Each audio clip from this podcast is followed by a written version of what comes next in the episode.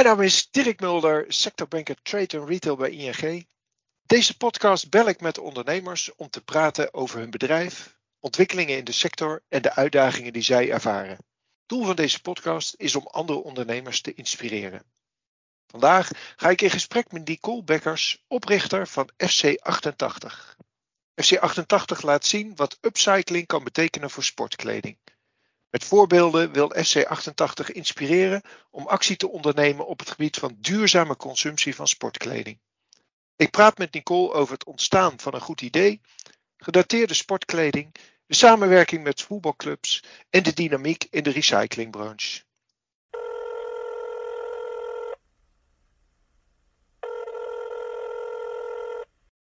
Goedemorgen Nicole. Hi Dirk. Laten we maar direct beginnen. Uh, kun je wat vertellen over jezelf en uh, vervolgens ook over FC88? Natuurlijk. Uh, nou, zoals je al zei, mijn naam is Nicole, Nicole Bekkers. Ik werk al een jaar of 12, 13 in de professionele sportindustrie in Nederland. Um, begonnen bij een uh, wielerclub, um, wielerploeg, Team Milram, een Duitse licentie, Nederlandse eigenaren. En de laatste 12 jaar bij, bij de KNVB, de Nederlandse Voetbalbond. En um, daar altijd verantwoordelijk geweest voor de commerciële strategie en de sponsors van de bond. Um, in die hoedanigheid dus ook, uh, ook heel veel gewerkt met Nike samen. Um, nou, en als sportliefhebber gek van, uh, van de voetbalshirts die telkens weer werden gelanceerd, iedere twee jaar. Maar daar is ook het idee voor FC88 ontstaan. Omdat ik dus merkte, ik denk een jaar of vier geleden, toen er een nieuwe shirt gelanceerd werd voor het Nederlands elftal, dat ik op een gegeven moment de vraag stelde intern bij de organisatie van eh, wat doen we eigenlijk met de oude kleding? Um, dit was in de periode waarin we ons niet plaatsten voor het EK en het WK met de mannen. Ja. Dat betekende dus dat je best wel weinig wedstrijden speelt ten opzichte van hè, andere jaren. En dus veel kleding over hebt. En eigenlijk uh, verdwijnt die kleding dan in een opslagloods. En een gedeelte daarvan uh, gaat vervolgens naar goede doelen. Waaronder andere World Coaches, een van de CSR-projecten van de bond zelf. Maar een groot deel had gewoon geen bestemming. En um, dat vond ik best wel jammer, enerzijds. En een gemiste kans, anderzijds. Um, toen ben ik daar een beetje ingedoken. Van, wat doen wij dan als KNVB anders bij dan misschien andere bonden of clubs? En eigenlijk was dat niet heel veel anders. En eigenlijk stuitte ik voor mezelf op best wel een, uh, een verborgen probleem. En dat is dat er aan de voorkant dus mooie nieuwe shirts worden gelanceerd. Uh, een thuisshirt en een uitshirt. Maar vaak ook weer een derde shirt of een vierde shirt een Champions League editie shirt. Weet je, het, het werd maar meer en meer en meer. Um, maar dat er aan de achterkant geen oplossing is, geen duurzame oplossing is voor de overgebleven kleding. De zogenaamde dead stock. He, dus de voorraad die eigenlijk uh, over de datum is tussen haakjes. Want kleding gaat niet over de datum, ja. maar het kon niet meer worden gebruikt door de teams. En als je dan daarnaast uh, de inzichten verkrijgt dat dat om tienduizenden shirts uh, gaat per club per seizoen. En dat de oplossing daarvan grotendeels nog steeds was en is vernietigen. Dus op, of de oven in, of uh, naar vuilnisbelt, of naar opkopers die het vervolgens verdumpen ergens buiten Europa. Um, dacht ik, hé, hey, dat, dat kan niet zo. Eerstens vanuit die duurzaamheidsgedachte, ja. maar ook gewoon vanuit als sportliefhebber. He, dat shirt, dat, die logo, dat logo, die badge, dat is voor de sportliefhebber en de, de voetbalfan, zeker als je club uh, support, heeft dat heel veel emotionele waarde. Dus zo kwam ik op het idee van, kunnen we daar iets mee maken met die oude kleding, wat niet conflicteert met het nieuwe shirt. He, want daar zit natuurlijk het grote, het grote probleem eigenlijk. Um, maar waardoor we wel die, die shirts van de uit verbrandingsoven redden en misschien die club of bond um, wat teruggeven, namelijk duurzame producten gemaakt van de oude kleding. Voor de fan nieuwe unieke producten die duurzaam zijn ontwikkeld. Um, voor de sponsors op het shirt uh, nieuwe, nou, zogenaamde merkassets. In plaats van dat het vernietigd wordt. Um, waardoor iedereen eigenlijk happy is in dat ecosysteem. En er vooral niks wordt vernietigd wat niet vernietigd hoeft te worden. Is dat, zouden we eigenlijk niet dat idee moeten veranderen. Uh, dat we elk jaar een nieuw, nieuw shirt moeten hebben. Natuurlijk. Uh, ja. Natuurlijk, dat is de kern van het probleem. En we willen ook helemaal niet uh, verkondigen dat wij de ultieme oplossing hebben. Want wij zitten aan het einde van de keten en we zoeken vooral naar een manier om waste beter in te zetten. de uiteindelijke oplossing die er moet liggen, ligt bij de merken. En dan heb ik het over de producenten. Ehm, die anders moeten gaan nadenken over hoe gaan wij met, met kleding om. En moet je ieder jaar een nieuw uit- of thuisshirt hebben? Of moet er een uit- en thuis- en derde en vierde shirt zijn? Ja. En nou, de afgelopen jaren is dat natuurlijk enorm gegroeid. Uh, onder, onder andere door de aanvoering van dat voetbalkleding ook een fashion item is geworden. dus de jongens en de meiden op straat in trainingspakken. Het is niet alleen maar dat sport uh, item, alleen op het voetbalveld. Ja. En dat heeft natuurlijk wel die consumptie aangewakkerd. Uh, maar uiteindelijk zit daar natuurlijk de kern wel van het probleem. Dus je, jij zegt het zit hem toch voornamelijk bij, bij de, de merken en niet zozeer bij, bij de voetbalclubs? Uh, of is ja, het beide? Kijk, um, sommigen zeggen wel eens, ja, maar een club kan ook zeggen, laat, laat dat shirt maar zitten. Um, de merken hebben heel veel invloed, uh, heel veel financiële macht. Hè, clubs die, die verdienen gewoon heel veel geld aan shirts, aan de verkoop daarvan, aan de licenties, de royalties die ze daarover krijgen. Um, het is een grote inkomstenbron, dus het is ook wel heel moeilijk, denk ik, om, dat, om te zeggen: nee, doe maar niet. Je ziet wel een aantal clubs die het anders gaan doen hoor. je ziet de Forest Green Rovers, die zeggen: wij willen niet met een groot merk werken, wij gaan dat zelf doen, zelf produceren. We maken het van bamboe of we maken de shirts van koffieresidu. Best wel kostbaar. Uh, maar die hebben dat op die manier ook gepositioneerd als zijnde wij zijn de groenste club van de wereld. Uh, maar ik denk als je kijkt naar de echt grotere voetbalclubs, de Reals, de Barça's, de Juves, de, de Uniteds, de, ja, die kunnen dat bijna niet zeggen. Omdat het zo'n grote levensader van, hen, uh, van hun club is. Mm. Dat dat jaren zal duren voordat je dat verdienmodel kunt veranderen. En de roep daarop gaat wel om hoor. Dus dat gaat ja. ooit wel komen. Maar dat zal nog wel jaren duren, verwacht ik. Ja, maar goed, even daar, daar kunnen we nu op dit moment niks aan doen. Dat is ook Helaas, niet nee. even de kern uh, van, uh, van, van, van jouw business natuurlijk. Maar goed, jij, jij signaleert een probleem en dan? Nou, hè, zoals gezegd, ik werk bij de KNVB. Ja. Uh, vanuit die hoedanigheid dat, dat achtergekomen. Toen heb ik gezegd, kan ik intern gewoon eens een pilotproject doen met de kleding die we hebben. Ik wil er iets van maken en misschien is dat voor intern wel leuk om eens aan de collega's te laten zien. Want iedereen wil wel een shirt hebben. Um, en dat geldt voor ons collega's natuurlijk ook. Iedereen is ook gek van, van de sport. Toen hebben we daar een test gedaan waarin we de oude kleding hebben vermalen tot vilt. En van die vilte lappen eigenlijk hebben we een laptop sleeve gemaakt. Keurig labeltje eraan, gemaakt van de oude kleding van Nederlands elftal. Kerstcadeautje, ik denk drie jaar geleden, twee jaar geleden, drie jaar geleden. En uh, was een doorslaand succes. Mhm. Meer bij laten maken. Die gebruiken we nog steeds als giveaway als we buitenlandse bezoekers over de vloer hebben, als potentiële sponsors spreken. Omdat je daar ook mee een verhaal vertelt. Hè? Niet alleen laat zien je hebt een cadeautje om te geven, maar je vertelt ook, hé, hey, wij vinden het belangrijk dat we ook duurzaam proberen te zijn op vlakken waar we wat verschil kunnen maken. Voor mij hield het toen alleen niet op. Dus ik zag het succes en ik dacht, oké, dat is voor de bond natuurlijk, daar houdt de verantwoordelijkheid op. Uh, maar ik dacht bij mezelf, wacht even, als wij als bond dat probleem hebben, dan geldt dat één voor alle andere bonden. En twee, dat geldt dat voor clubs nog veel meer. Want die krijgen ieder jaar een nieuw shirt en een bond iedere twee jaar. Dus die voorraad en die, die, hè, het probleem bij voetbalclubs is nog veel groter. Ja. Het liep er niet los. En toen heb ik eigenlijk gezegd, en dan ga ik daar uh, eerst even een, een conceptje voor papier zetten. Klein businessplannetje. Um, ik ben toen met een hele stapel uh, oude shirts uit mijn eigen kast naar allerlei ateliertjes in Nederland gecrossed van kunnen jullie hier iets van maken? Wat nog best wel moeilijk was want polyester, het is heel erg rekbaar. Als je erin gaat knippen, dan krimpt het. best wel moeilijk. Mhm. Ik denk al een jaar bezig geweest met producenten van Roemenië tot aan Turkije, Marokko en uh, uiteindelijk nu Portugal. Om een partij te vinden die ons kon helpen met echt het maken van mooie, duurzame, stevige producten van zo'n shirt. Uh, toen dat lukte, uh, heb ik gewoon een siteje gebouwd. en heb ik gezegd, nou dan ga ik het ook in mijn netwerk, wat ik natuurlijk heb in de voetbalwereld, vertellen van hey, luister, mocht je een probleem hebben met oude kleding, we hebben best wel wat leuks bedacht. Misschien moeten we eens gaan praten. Elk jaar worden er dus in de voetbalsport nieuwe shirts en producten gelanceerd, waardoor een enorme stapel dode voorraad ontstaat. In de meeste gevallen belandt de oude sportkleding op de vuilnisbelt of in de verbrandingsoven.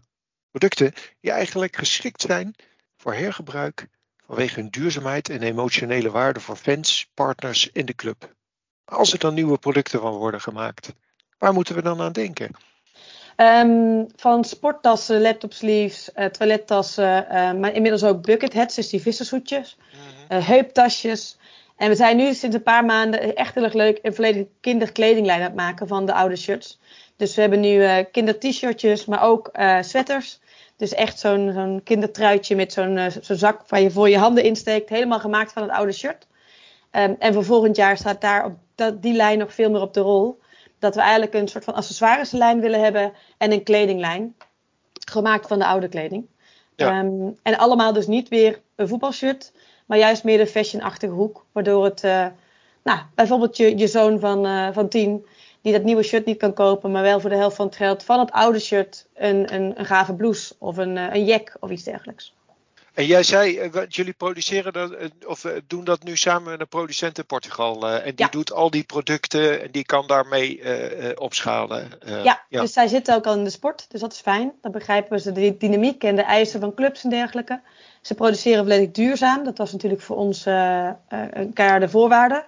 Dat was nog de moeilijkste uitdaging nog wel. Um, we kwamen wat concurrenten of collega's eigenlijk tegen in de markt die die deden het wel, maar die brachten het volgens naar China om daar heel goedkoop te laten vermaken tot nou, een laptopsleeve of een toilettasje. Ja, dat, dan gaat het volgens mij een beetje scheef. Dan is niet de bedoeling. Dus we wilden het per se in Europa. We wilden per se zo dicht mogelijk bij huis. We hebben ook een studio in Amsterdam waar we mee werken. Dus zo hebben we zo onze, ons netwerkje opgebouwd eigenlijk. Um, waar we enerzijds kleding, anderzijds tassen en anderzijds nog accessoires kunnen maken studio in Amsterdam. Uh, doen die dan de design? Want dat is natuurlijk mijn volgende vraag. Hoe, hoe kom jij aan de ontwerpen? Uh... Ja, ik denk dat het heel goed is als je gewoon ergens mee begint en je, en je vindt zelf iets heel erg gaaf in dit geval. Mm. Um, dat je gewoon met voorbeeldjes bij elkaar onder de arm op een A4'tje studio inloopt en zegt: Kunnen jullie hier een patroon voor maken? En als het patroon er is, ga je ermee naar de producent: Kunnen jullie dit maken? En er zitten heel veel haken en ogen aan leuk bedacht Nicole, maar een rits in dit stukje stof, het kan helemaal niet. Of nou, veel te klein, veel te groot. Um, ja. Maar in, in, feite wel zo. En misschien de naïviteit helpt dan ook wel. Uh, omdat mensen wel je passie zien voor wat je aan het doen bent. En dat gaat niet, maar misschien als we het zo doen, kunnen we het wel uh, realiseren. En ja. het begint bij mij gewoon thuis op kantoor met een schets van hé, hey, ik heb een, uh, een kindertruitje gezien en kunnen we daar ook iets mee met een voetbalshirt?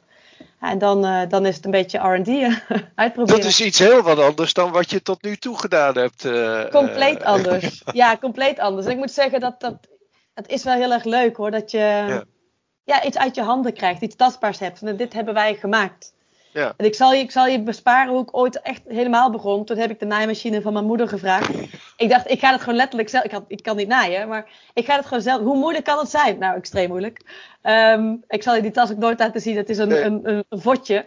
Maar toen zag ik wel in, oké, okay, het is echt heel moeilijk. Mm. En, en dat bevestigt misschien ook wel waarom het niet makkelijk is om te doen wat we doen. Want ja. nou, je, moet echt, je bent echt een tijd op zoek voordat je de juiste partij hebt die technisch kan. Ja, uh, je had het over die uh, fabriek in, uh, of producent in Portugal, die is duurzaam. Wat versta jij dan onder duurzaam? Ja, dat zij hun, hun, materialen en hun grondstoffen duurzaam sourcen. Allemaal binnen Europa, het liefst zelfs binnen Portugal. Dat hun medewerkers goed betaald krijgen, eerlijk betaald krijgen. Weet je, dat dat allemaal gewoon klopt. Ja. Zij zijn bezig met een B Corp certificering. Dus dat zegt al wat, denk ik, hè, welke hoek ze zitten. Um, en zij vinden ook wat wij doen gewoon heel erg, heel erg leuk. Ja. Um, dus die moet je ook tegenkomen. En ik, ik heb ja. ooit een, een hele leuke podcast geluisterd van uh, de bloemkoolpizza's. Ja. Um, en en ja. zij zei ook van op een gegeven moment had ik gewoon een pizzabak en zei ik vind jou gewoon leuk wat je doet. Ik wil je helpen. Het is helemaal niet, niet rendabel wat ik doe, maar ik wil je helpen. Maar met één voorwaarde, als je gaat groeien, dan blijf je bij me. En dat was haar ja. afspraak toen. Ja. En zo hebben we eigenlijk een soortgelijke afspraak. Zij zijn veel groter dan wij zijn. Maar zij vinden het heel leuk wat we doen. Het is complementair bij wat zij doen.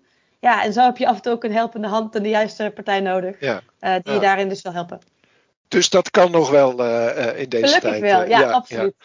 Hey, en, en, vervolgens dan, want dan, dan heb je een goed idee. En dan moet je naar die voetbalclubs toe. Ja. Die zie je aankomen. Ja, ja inderdaad. En, uh, en dat heeft best wel een aanloopperiode gehad hoor. Eigenlijk wat we terugkregen, en dat waren best wel wat warme contacten.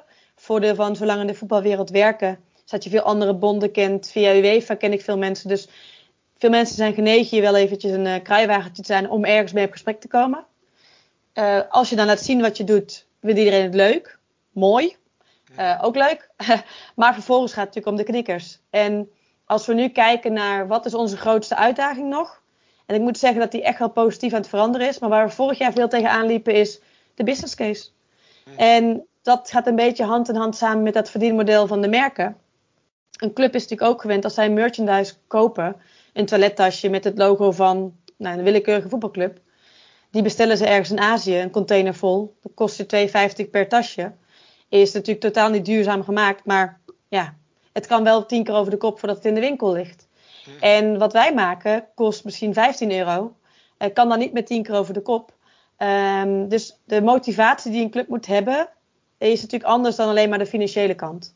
Ja. Um, dus de grootste uitdaging die we hadden is: oké, kan het voor de club uit? Nou, dat kan, mits ze de oude traditionele verdienmodellen loslaten die op merchandise liggen. En, en je hebt in ieder land heb je een aantal clubs die daarop voorlopen. En zo Noem eens een voorbeeld. Ja, zo heb je Eintracht Frankfurt en Bayern München in Duitsland, waar we allebei mhm. mee werken. Uh, je hebt Atalanta Bergamo en Juventus in Italië. Uh, zijn gelukkig niet de kleinste, dat helpt natuurlijk ook. Nee. Um, maar je merkt bijvoorbeeld in Nederland, uh, uh, Frankrijk, Spanje, dat het dat moeilijker is. En, en dat iedereen het wat gezegd mooi vindt en leuk vindt.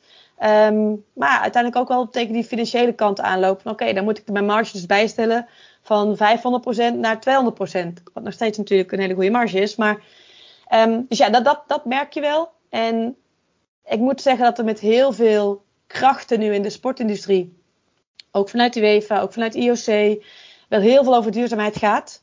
En daar kunnen we deels op meeliften. Maar dat is de grootste uitdaging die we zien, gewoon de financiële kant.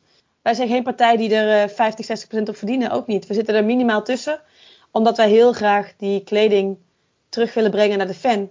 En terug in de markt willen houden in plaats van de oven in. Ja, je noemt een aantal buitenlandse clubs. Dan denk mhm. ik, en Nederlandse clubs dan? Wij doen er ook wel mee, hoop ik. Nog niet. Nog niet? Nog oh. niet. Nee, nee. En dat, dat is ook omdat, ja, wat ik zeg, we, hebben, we spreken met z'n allemaal. En ze vinden het allemaal echt oprecht een leuk idee. Alleen het is vaak de business case die het nog even tegenhoudt. Ja. ja. En dan over die business case gesproken. Hè? Want jij zegt natuurlijk, jullie moeten zelf een verdienmodel aan hebben. Je had het net in het begin over een webshop hè, die je zelf opgezet hebt. Waar worden die spullen verkocht? Op dit moment, en dat is ook onze eerste stap geweest, heel bewust, werken we alleen voor de clubs en de federaties en zij verkopen de producten. Uh, dus Eintracht Frankfurt bijvoorbeeld hebben een hele collectie voor ontwikkeld. Die verkopen zij in hun shop. En wij verdienen een marge op de productieprijs. Zo simpel is het eigenlijk. Ja. Um, waar we heen willen en waar we ook heel veel vragen voor krijgen, is: kan ik direct bij jullie kopen? Dus voor 2023 wordt dat een van de extra groeipijlers. Dus hoe, hoe gaan wij ook op B2C uh, eh, onze, onze markt openen? Dan heb je wel te maken met licenties van clubs. He, dus ook alle producten die je ziet op onze socials of op LinkedIn. Dat zijn allemaal concepttassen die we hebben gemaakt en die we vervolgens niet verkopen. Vaak schrijven we dat expliciet staat dat erbij. Want dat mogen we niet. We hebben niet de licentie van een Ajax dat we een tas van hen mogen verkopen. Nee. Willen we dat? Dat weet ik niet. Waar we wel uh, naar kijken is of wij een upcycle service kunnen bieden voor fans. Dus dat we zeggen, iedere maand is er uh, uh, twee weken staat, staat de, de, de, deur open. Iedereen kan zijn shirt insturen, aangeven wat hij ervan gemaakt wil hebben. En wij gaan voor jou, stel jij stuurt jou, jouw Ajax-shirt in. Uh, wij gaan daar uh, wat je van maken. Een toilettas, een sleeve of een hoedje of wat je wilt. Dat maken we voor je en dat sturen we terug en daar betaal je voor. Waardoor we toch aan die fanbehoefte kunnen voldoen. Zonder dat die fan ja, moet wachten tot zijn club zeg maar overstag gaat. Is dat niet enorm duur? Want kijk, ik kan me voorstellen als je vanuit een club of vanuit een bond, hè, dan krijg je honderden shirts aangeleverd. Dan denk je, nou goed, dan hè, heb ik nog enigszins omvang. En nu, nu moet je één stuksproductie gaan maken. Uh, ja dat is natuurlijk een uitdaging. Um, we denken alleen dat dat ons kan helpen in het uh, over, overbrengen van de boodschap. He, dus uiteindelijk kun je natuurlijk een push- en pull strategie naar die club hanteren. De push is wij naar de club. En pull kan ook zijn dat die fan op een gegeven moment tegen die club gaat zeggen: hey, ik heb dit laten maken van mijn oude shirt, waarom doe je er zelf niet wat mee? En dat is allemaal lange termijn. Dat zal niet, uh, één fan zal niet, uh, geen deuk in een bakje boter slaan bij een club. Ja. Uh, maar we willen wel eens gaan kijken of dat wat gaat doen. En dat betekent ook natuurlijk dat je een minimale aantal fans nodig hebt die meedoen. Dus bijvoorbeeld uh, dat 100 fans zeggen: Hier heb ik een shirt, dat stuur ik naar je toe. Nou, dan kunnen we het gaan produceren. Maar we willen het wel gaan testen. Ik denk namelijk wel dat daar potentie zit. Uh, uiteindelijk gaat alles om volume. En als dat betekent dat we in eerste instantie daar misschien niks op verdienen, maar het wel een hele goede actie is, dan is dat ook goed. Hè? Daar zitten we er vooral in om de boodschap ook over te brengen. En nogmaals, die shirts niet weg te laten gooien. Nicole heeft een jarenlange ervaring in de sportbranche. Eerst in de wielersport en de laatste jaren dus bij de KNVB. Nu dus heel iets anders als eigen ondernemer. Ik wil graag weten hoe dat bevalt. Uh, enorm uh, enerverend ehm, en, en ontzettend gaaf. Ja. kijk, enerzijds ehm, is het even uitvinden ook wie je, wie je als ondernemer bent. Kijk, ondernemen binnen een organisatie is natuurlijk veel makkelijker. Je hebt allemaal kaders en vangnetten en dergelijke. Maar hier kun je natuurlijk wel gas geven. Je hoeft niemand te wachten op akkoord of je, je kunt het gewoon proberen. En ik denk dat dat het leukste is, dat zonder enige hulp, in de extra uren die je in een week hebt, met ook een gezin en dergelijke, uh, dat het je wel lukt om clubs zoals Atalanta, uh, Bergamo en Eintracht Frankfurt en Bayern München en uh, nou, noem maar op, dat je die wel aan kan sluiten, kan overtuigen. Dan denk ik, nou, dat, dat motiveert wel heel erg om, om verder te groeien. Ja. Om verder te groeien. Wat voor ondernemerstype ben je dan? Ik ben heel erg van de concepten en, en vooral op de bühne. Dus de, de megafoon. Ja. Um, ik ben niet zo goed in details, daar ik er ook bij. Ik heb natuurlijk een co-founder die, die gelukkig daar heel goed in is en ook aan de productiekant zit. Ik ben meer de creatieve kant, dus ik, ik zie heel snel voor me wat ik wil maken. Maar ik kan het niet maken. Dus ik heb, ik heb dus ook goede mensen nodig die, die dan vervolgens kunnen, kunnen zeggen dat gaat helemaal niet of dat kan wel mits. En die balans is wel lekker. Dus ik droom en ik zie het dan helemaal voor me. En uh, nou, daar begint het natuurlijk wel bij. Als je dat niet kan, dan, dan komt het niet van de grond. Ja. En vervolgens heb je mensen om je heen die zeggen: Oké, dan ga ik je helpen dat uh, te laten maken of te maken. Of uh, nou, het laten maken tegen een prijs die we andere mensen nog kunnen betalen. Dat. Mhm. Als je nu, hè, want je, je bent er tijd mee bezig, wat, wat, wat, valt je nou op? Waar ben je tegenaan gelopen? Um, en dat wist ik wel al, maar vooral het conservatisme natuurlijk in het voetbal, ja. uh, voetbalwereldje. We hebben ook al onze uitstapjes gemaakt naar Formule 1 racen, naar wat wielrenploegen. En daar zijn ze wat sneller, dat merk je. Kijk, voetbal is natuurlijk een enorme industrie. En een gemiddelde voetbalclub uh, is ook natuurlijk een, een, enorm bedrijf aan zich. Qua status en zichtbaarheid. Niet qua bemensing. Vaak MKB-bedrijven qua grootte, maar qua impact en, uh, en alles eromheen natuurlijk wel heel groot. Um, dus conservatisme enerzijds. Um, uh, anderzijds, wat ik zeg, vooral verdienmodel. Dus eigenlijk zeggen wij, we hebben drie invalshoeken waarmee we het gesprek kunnen openen met een club. Uh, enerzijds is dat vanuit CSR. Iedere club is bezig met zijn sustainability strategie, met zijn, um, zijn goals vanuit de UN, et cetera. Dus dat, dat is eigenlijk de ideale invalshoek. Want dan heb je het op ambitie en op verhaal klopt die helemaal. Nou, de andere invalshoek is vanuit partnerships. Dus dat je zegt, oké, vanuit de merken, maar ook de shirtsponsor aan de voorkant, is het een activatie met die merken misschien. dus jouw shirt verdwijnt niet in de oven, maar jouw merk blijft leven, want het krijgt een tweede leven. En de derde invalshoek is merchandising. En dat is de moeilijkste tegelijkertijd, maar wel de grootste. Um, want daar zit gewoon degene die inkoopt en verkoopt. En zegt dat wil mijn fan hebben en tegen welke prijs mag ik dat inkopen en wat moet ik eraan verdienen. Dus die drie invalshoeken. Dat is vaak de lastigste, denk ik dan inderdaad. Extreem, uh, ja. Dus je, je, je krijgt met hele verschillende mensen van doen. Ja, en we, we krijgen nu, dat, dat is ook wel leuk, dat, dat we eigenlijk hulp gaan krijgen van de shirtsponsors. Dus enerzijds de Nike en Adidas en Kappa en uh, Macron, waar we allemaal mee in gesprek zijn. Waar we hopen op een gegeven moment centraal voor te kunnen werken. Dus stel je voor, hè, gewoon even dromend weer.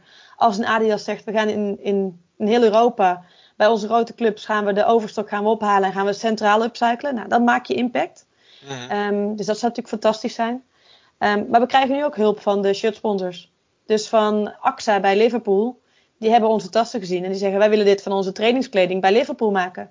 Ja, dat is voor ons natuurlijk lekker als AXA je onder de arm meeneemt om Liverpool het gesprek verder te, te begeleiden. Ja. Um, dus, dat, dus daar komen we nu in terecht. En dat geeft wel heel veel energie, moet ik zeggen. Textielleveranciers worden meer en meer. Hè, uh, uh, ik, ik weet niet of het in Europa al is, maar goed, in ieder geval in Nederland krijgen we een, uh, de, de, producentenverantwoordelijkheid. Ja, dus dat, van Europees, dacht ik inderdaad. Precies. Ehm, ja, Frankrijk heeft het ook. Daar is het al uitgerold, volgens mij. Dus leveranciers of uh, producenten van kleding worden steeds meer verantwoordelijk. Die moeten eigenlijk in de rij dan staan bij jullie. voor een deel hebben jullie een heel mooie oplossing dan. Ja, en ik, ik weet niet of dat, of dat daarmee te maken heeft. Maar we zagen in november en december alleen maar merken die ons benaderden. Ja, ja. Vertel eens meer wat je doet. Bijvoorbeeld een van de merken, ik kan nog niet zeggen wie, maar hoop ik over een paar maanden dat dat bekend is. Um, die zegt, joh, we hebben kleine projectjes intern, maar die kunnen we niet opschalen. Jullie zijn aan het opschalen. Kunnen we niet samen dat doen? Nou, graag. Zolang het niet exclusief is. Want we willen natuurlijk voor zoveel mogelijk merken en clubs werken. We kunnen nadenken over exclusieve producttypes voor bepaalde merken.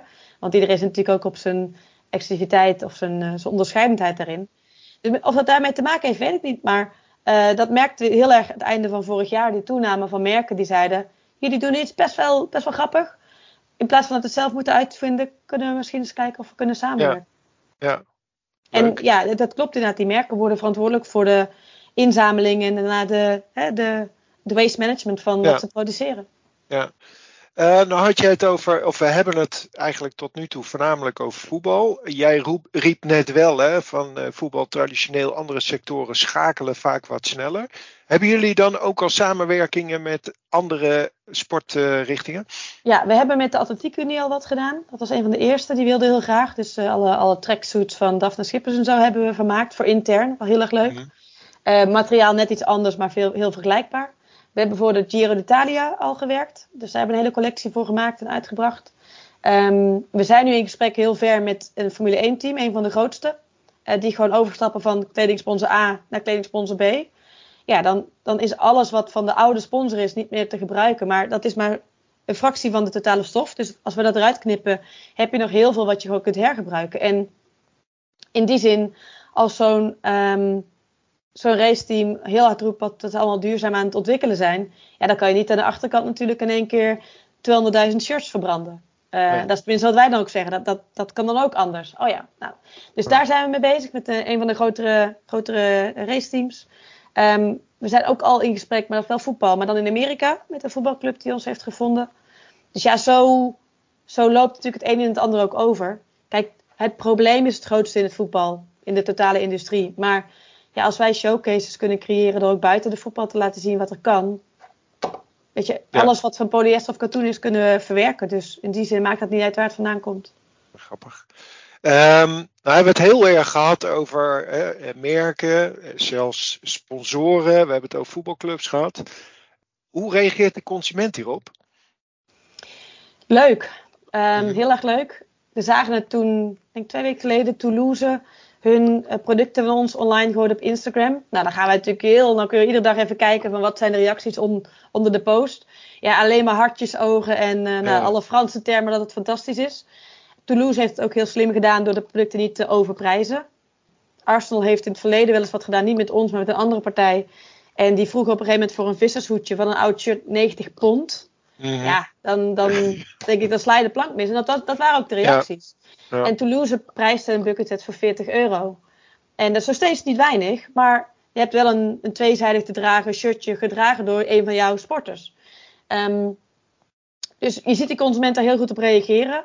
Visueel vinden wij het product ook heel sterk. Je ziet er gewoon goed uit, de kwaliteit is goed. Um, en die logos en die kleuren van zo'n van zo'n shirt werken natuurlijk fantastisch op een tas of een hoedje of een, een kindshirt. Dus die reageert er heel goed op. Het is daar gewoon, gaat de club daar de hoofdprijs voor vragen of gaan ze er een acceptabele prijs voor vragen, wat het succes bepaalt? Ja, ja. Ja, ja, dat denkt dan ook af en toe wel eens. Uh, dat is natuurlijk ook met die shirts. Hè? Als je ziet wat je daar elke keer voor moet betalen, uh, is dat natuurlijk een verdienmodel. Maar goed, ja. uh, dan denk ik ook, ja, het zijn vaak echte fans hè, die dan alles willen hebben van. van ja, van en, en de grap is, hè, het was um, recentelijk onderzoek in, in, in de UK dat mhm. ruim 55% van de voetbalfans gaat geen nieuw shirt meer kopen, want het kost daar 65 pond. In deze tijd, energiecrisis, inflatie en dergelijke, dat gaat gewoon niet meer op. Zelfs die diehard Engelse voetbalfan die we allemaal wel kennen, die zegt op een gegeven moment, ik kan het niet betalen. Ja. Um, maar als je dan voor 30 pond, 25 pond, van een oud shirt gemaakt, iets waardoor je steeds dat fanship kunt laten zien, um, dan zal het, kan dat misschien een, voor een deel van die mensen een klein alternatief zijn. Ja. Um, kijk, dat is ook al waar wij mee stoeien. En mijn ultieme droom zou zijn: kunnen we die oude shirts niet gewoon als shirt in instantie terug op de markt brengen? Um, dat is eigenlijk de beste stap. Gewoon niks eraan vermaken. Gewoon verkopen als zijn de tweedehands, wat een Vinted of een O3 natuurlijk ook gewoon doet. Mm-hmm. Um, nou, daar liggen de merken nog duidelijk wel heel erg voor. Want dat cannibaliseert ja. natuurlijk op dat nieuwe shirt. Um, maar ja, die fan die, uiteindelijk moet die fan centraal staan. Mm. En het is leuk als aan de voorkant nieuwe producten worden geproduceerd. Maar als ze te duur worden, of als het te veel wordt om, om te verwerken als, uh, als doelgroep, ja, moet je daar wel over na gaan denken. Ja. Als ik jouw verhaal zo hoor, dan denk ik van wauw. Uh, enorme potentie, enorme mogelijkheden. Hè? Eh, qua producten, qua clubs, eh, qua, qua sectoren. Het is natuurlijk een enorme overschot aan kleding. Wat betekent dat nou voor FC88 voor de komende, komende tijd, komende periode, en voor jullie organisatie? Um, nou, 2023 staat in het, in het teken van marktaandeel. Uh, we zijn, zoals we nu weten, de enige die in heel Europa zit en werkt dan met clubs. Er zijn een aantal kleinere lokale bedrijven die natuurlijk wel voor een club hier of daar werken. Um, dus dat betekent voor ons zorgen dat er zoveel mogelijk clubs aansluiten. Want daarmee kunnen we op een gegeven moment ook weer een bepaalde massa opbouwen en kennis opdoen die we voor de andere clubs kunnen inzetten. Dus 2023 is het teken van groei. Niet zozeer winst, maar groei. Zoveel mogelijk omzet uh, zien te halen om zoveel mogelijk clubs aan te sluiten. Dat is de B2B-route. En het verkennen van die B2C-route. Al dan niet toch misschien met hier en daar een keer een licentie met een club. Gaan we dat testen? Willen we bijvoorbeeld voor de Nederlandse markt, waar we zelf natuurlijk het beste in zitten, willen we daar misschien wel, als een club zelf niet gaat, een licentie met een club afspreken en zeggen, dan gaan we het voor jullie doen, maar dan gaan we ook de, de taart samen delen, hè, dus de inkomsten samen delen. Dus dat is die B2C-route. Daar zit de volle focus op. En in eerste instantie Europa. Uh, we worden wel eens afgeleid door wat vragen uit Amerika. Dat is natuurlijk heel erg leuk en heel erg gaaf, maar ja, ook moeilijk. Want je wilt eigenlijk niet vanuit Amerika shirts deze kant op laten vliegen, hiervan maken. dus dat zou weer een uitdaging zijn uh, op langere termijn. Maar voor nu is het groeien in Europa B2B en uh, verkennen van de B2C-route op basis van de, uh, de behoefte die er is bij de fans. En dat doe je niet alleen, hè? je sprak net al over een, een partner, maar ja. is FC88, bestaat het uit meer mensen of jullie twee? We hebben nu twee, twee founders en twee eigenaren. En daarnaast het productieteam, wat natuurlijk wel dedicated voor ons al werkt. Waar een RD manager in zit, um, een partnership manager en natuurlijk het productieteam. Nou, dat is een flexibele schil. Uh, maar dat zal de komende jaar, uh, jaar denk ik wel uit gaan breiden. Um, maar met name misschien ook wel op de marketingkant, uh, de contentkant. Omdat we dus zien, de visueel sterke producten, ja, dat dat vaak ook wel een hele goede manier is om in gesprek te komen met nieuwe, nieuwe clubs en nieuwe, nieuwe geïnteresseerden. Leuk. Hartstikke mooi. Uh, ik, ik, uh, ja, ik kan er helemaal enthousiast over worden. Dat was ik al. Tot slot, ik, uh, ja, ik, ik sluit altijd af met welke les heb jij geleerd en zou je willen meegeven aan andere ondernemers? misschien een open deur. Um, mijn belangrijkste les is: ga op een gegeven moment. Ik heb denk ik zelf wel een maand of negen tot twaalf op papier zitten, zitten schakelen. En weer verder denken en weer aanscherpen en weer de financiële cijfertjes erbij pakken. Tot op een gegeven moment uh, uh, mijn man thuis zei, ga het nou eens gewoon eens doen. Ja. Want op papier weet je nooit of het werkt. En, en dat was mijn zetje wat ik nodig had. Dus um, het, een plan uitwerken is goed, op hoofdlijnen. En dan moet je het gewoon gaan proberen. Dat is mijn grootste les. Niet te lang blijven zitten in de papieren ja. kant. Die heb ik vaker teruggehoord. Uh, als, nee, ja, eh, maar ik denk dat het inderdaad een hele goede tip is uh, daarin. Hartstikke mooi, Nicole. Uh, dankjewel. Ik wens je onwijs veel succes het komende jaar met het realiseren van, van je droom. Dank je. Ja, ook Dirk. Dankjewel. Deze podcast maakt onderdeel uit van een serie gesprekken met ondernemers uit de sector trade en retail. Meer podcasts en informatie over de sector vind je op ing.nl. Wil je nou zelf een keer meedoen aan een podcast? Mail me dan op dirk.mulder.ing.com.